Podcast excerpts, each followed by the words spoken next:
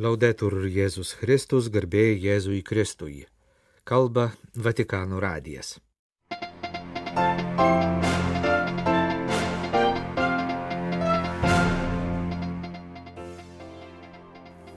Popiežius priėmė italų televizijos religinės laidos kuriejus.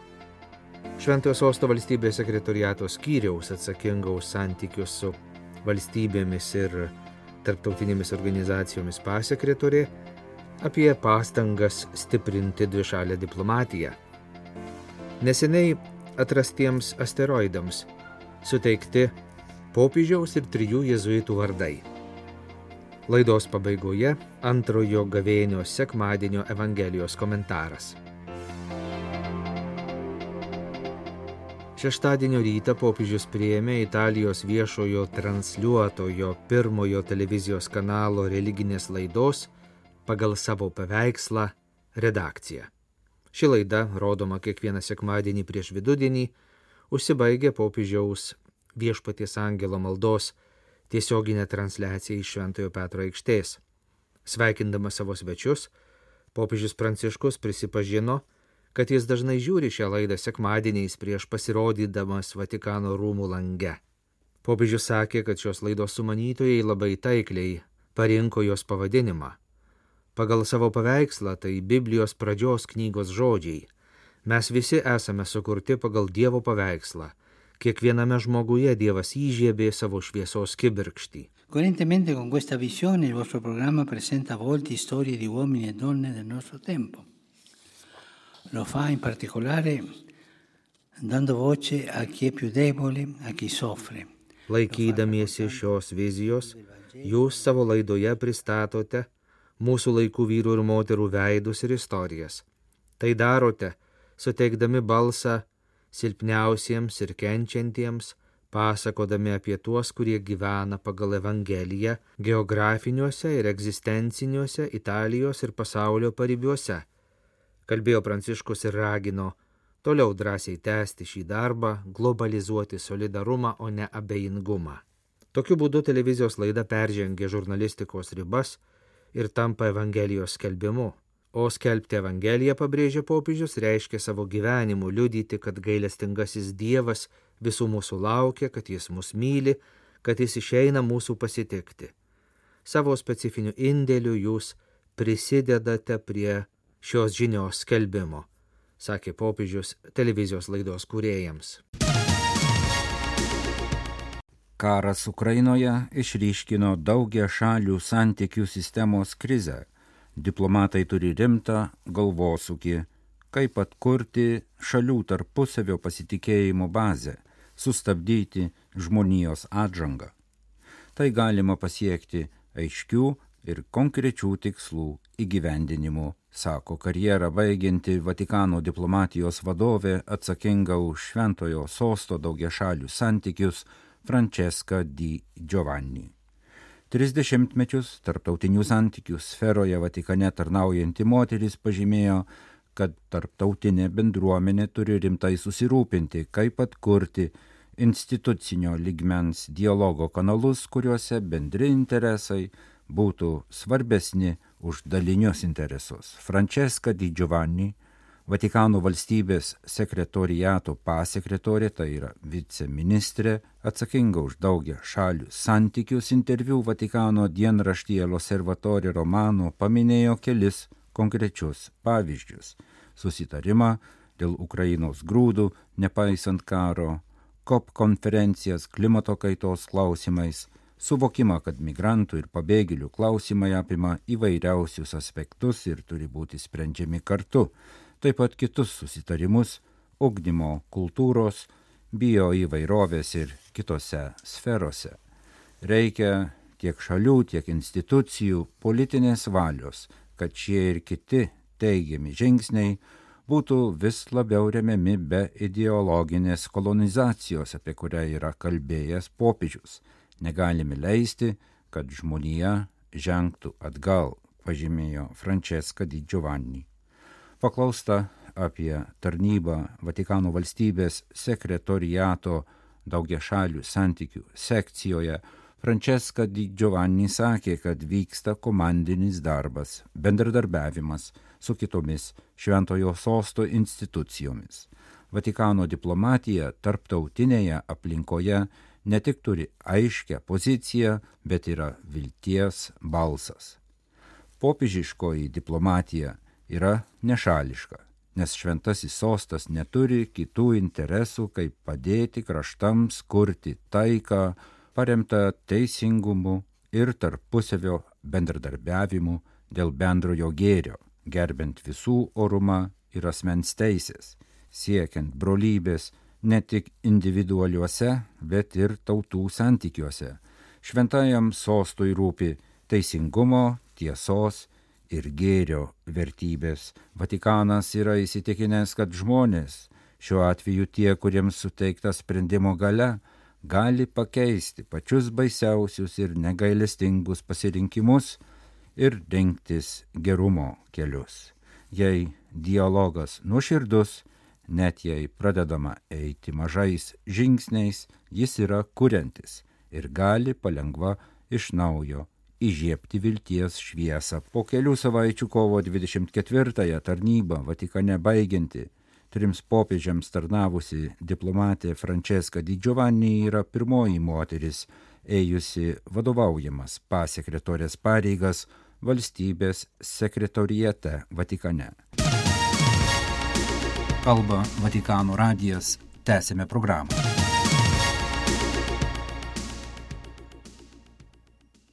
Kunigas Jeffrey Segovija dalyvavo Azijos žemyninėje sinodo asamblėjoje, kuri vasario 24-26 dienomis vyko Bankoke. Filipinietis dvasininkas pasakoja apie skaitmeninį sinodą bažnyčios sinodiškumo tema, kurį surengė Šventojo sosto komunikacijos dikasterija. Pasak kunigos Segovija, skaitmeninis sinodas svarbus bažnyčiai tuo, kad taip galima pasiekti žmonės, kurie neturi formalių kontaktų su parapijomis ar bažnytinėmis institucijomis. Bažnyčioje taikomos naujos technologijos, kurios suteikia progą pasiekti skaitmeninių medijų pasaulio gyventojus. Už profilių patiktukų, paspaudimų, komentarų slypi tikri žmonės. Skaitmeninis sinodas tai komunikacijos dikasterijos bandymas pasiekti tikinčiuosius skaitmeninės kultūros, skaitmeninių medijų plotmėje, kur naudojama tai terpiai būdinga skaitmeninė kalba. Sinodas skaitmeninis ne tik todėl, kad vyko skaitmeninėje erdvėje, bet todėl, kad jo auditorija tie, kurie gyvena skaitmeninėse medijose. Pavyzdžiui, viso pasaulio nuomonės formuotojai, vadinamieji influenceriai, Jie įtraukia savo sekėjus į bažnyčios pastangas pasiekti kuo platesnę auditoriją. Tai buvo galimybė ir palydėti skaitmeninius bažnyčios narius. Ir jų buvo daugybė. Per TikTok, Facebook, Instagram ir kitas medijas pasiekta apie 20 milijonų žmonių. Gauta virš 110 tūkstančių atsakymų, 10 procentų iš jų pateikė netikintis ar nekatalikai. Suteikta galimybė būti išklausytais daugeliui padarė teigiamą poveikį. Sinodo dalyviai džiaugiasi, kad jų pastabos ir pasiūlymai išgirsti, į juos atsižvelgiama ir išreiškė viltį, kad taip jie gali kartu stengtis dėl geresnės bažnyčios ateities trijų Vatikano astronominės observatorijos astronomų ir su observatorija susijusio popiežiaus vardais buvo pavadinti neseniai atrasti asteroidai. Tarptautinės astronomijos sąjungos mokslininkų grupė, atsakinga už pavadinimų suteikimą mažiesiems dangaus kūnams, paskelbė naujausią vardus gavusių asteroidų sąrašą. Trys asteroidai pavadinti Vatikano observatorijos jezuitų vardais pagerbent tėvą Johaną Hageną nuo 1906 iki 1930 metų vadovavusi observatorijai, tėvą Bilą Stegerį, buvusį Vatikano observatorijos kosmologą ir teologą, bei šiuo metu observatorijoje dirbantį tėvą Robertą Janušą. Dar vienam asteroidui suteiktas Ugo Bonkompanį, popiežiaus Grigaliaus XIII vardas. Šis popiežius vadovavo kalendoriaus reformai ir įkūrė Vatikano observatoriją. Asteroidai arba mažosios planetos - tai maži dangaus kūnai skriejantys elipsinę orbitą aplink Saulę. Saulės sistemoje atrasta daugiau kaip 300 tūkstančių asteroidų, kurių keliolikai tūkstančių yra suteikti vardai, o kiti turi tik numerius. Vardo suteikimo asteroidui procesas kai kuriais atvejais gali trukti dešimtmečius. Kai atrandama nauja mažoji planeta, jai suteikiamas laikinas pavadinimas pagal atradimo datą. Kai objekto orbita nustatoma taip, kad galima patikimai nuspėti jo padėtį tolimoje ateityje, paprastai po to, kai jis keturis ar daugiau kartų praskrieja pro Žemę, jam suteikiamas galutinis numeris, o kai kuriems ir vardas.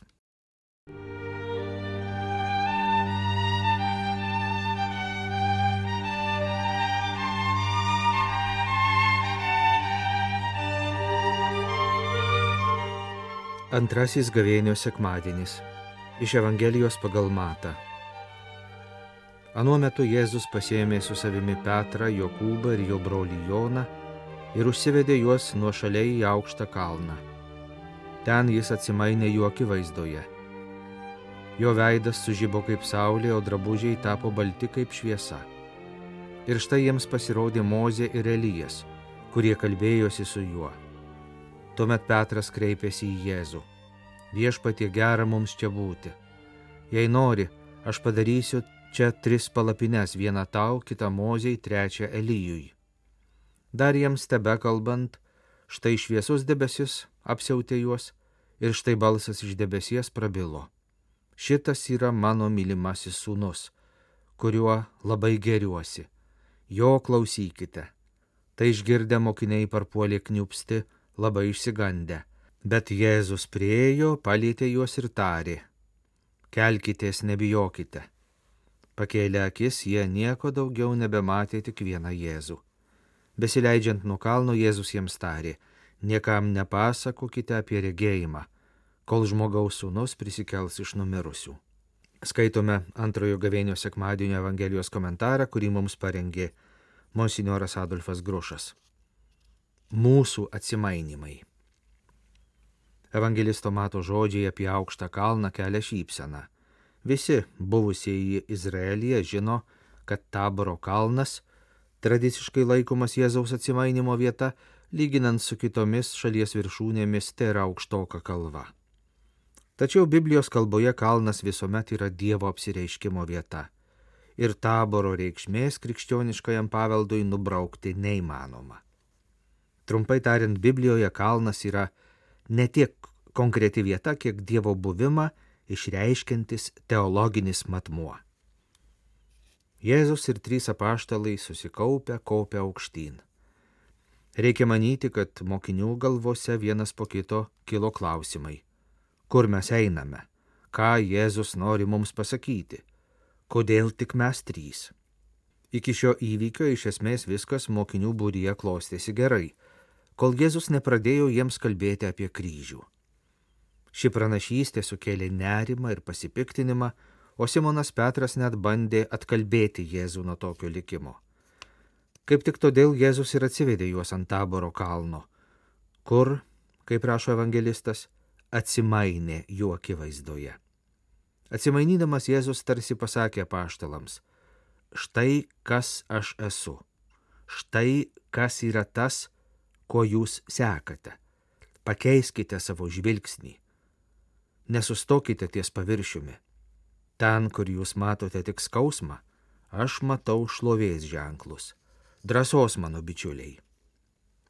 Simonas vėl nesusilaikė nuo šėtono vaidmens. Viešpatie gera mums čia būti.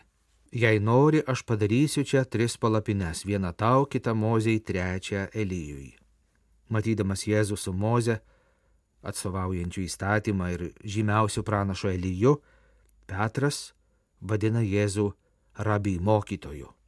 Jo nuomonė Mesijas yra tas, kuris laikosi ir moko įstatymo. Reiktų pasakyti, kad Petras iš tiesų turėjo talentą prabilti netinkamu laiku, netinkamoje vietoje. Jau vėliau Petras savo kailiu patirs, kad Jėzaus atneštos Evangelijos žinios jauno vyno neįmanoma sutalpinti senųjų religinių struktūrų senuose vynmaišiuose. Artintis prie viešpaties naudojantis įprastomis religinėmis kategorijomis neįmanoma. Mes irgi, kaip Petras, sugaištame labai daug laiko pritaikydami revoliucinę Evangelijos žinę savo struktūroms, beviltiškai mėgindami ją sutalpinti savo mąstymę. Beprasmiška apgaudinėti save Tikroji Evangelijos naujiena yra didesnė už tradicinį religinį mąstymą sudarytą iš šventų įpročių ir nuolatinio pasikartojimo. Rizikinga išgyventi savo tikėjimą susitelkiant į tai, ką turime padaryti dėl Dievo, nes krikščionybė yra geroji naujiena apie Dievą, kuris miršta už mus, atiduodamas save už mane. Mums, kaip ir Petrui, yra pakankamai sunku priimti beprotišką Dievo meilę. Petrą žavi nuostabus reginys, jis norėtų jo mėgautis, visiškai netrokšdamas sugrįžti prie kasdienybės rūpeščių. Jis tengiasi užfiksuoti akimirką, sustoti, nors iš tikrųjų Jėzus šaukia žmogų į kelionę, kai iš šlovės einama į skausmą ir išaukštinimas ateina per išmėginimą. Šio sekmadienio Evangelijoje mėginama atsakyti į klausimą, kas iš tiesų daro žmogų laimingą. Juk atsimainimas tai žvilgsnis į tuos dalykus, kuriuos galima pamatyti tik širdimi. Neatsitiktinai tarp Jėzaus palaiminimų skamba ir šis - palaiminti nesuteptos širdies, nes jie regės Dievą.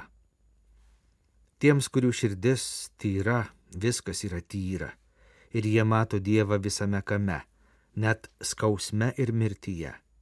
Petrai, tarsi sako jam viešpats, pažvelg į kryžių kitų kampų, kaip ir pranašai išvelg Dievo kelią istorijoje. Trys apaštalai labai išsigando. Ekstremalūs džiaugsmo ar liūdėsio išgyvenimai visuomet sukelia mumise baimę, išgasti, tačiau net ir tada mums kalba Dievas. Reikia klausytis ne baimės, bet to, kas slypi už jos.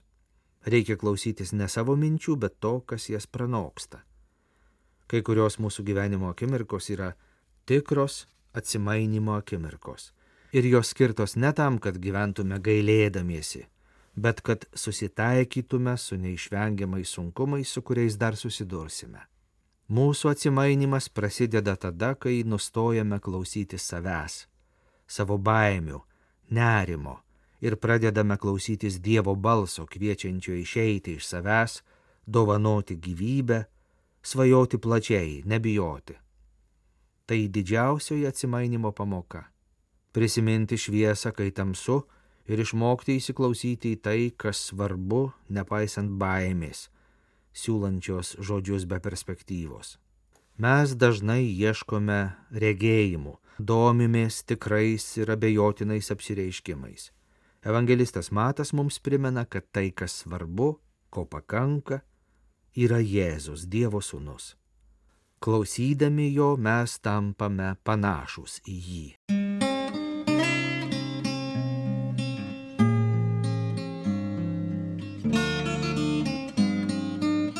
Kalba Vatikano radijas. Laidą lietuvių kalba baigėme.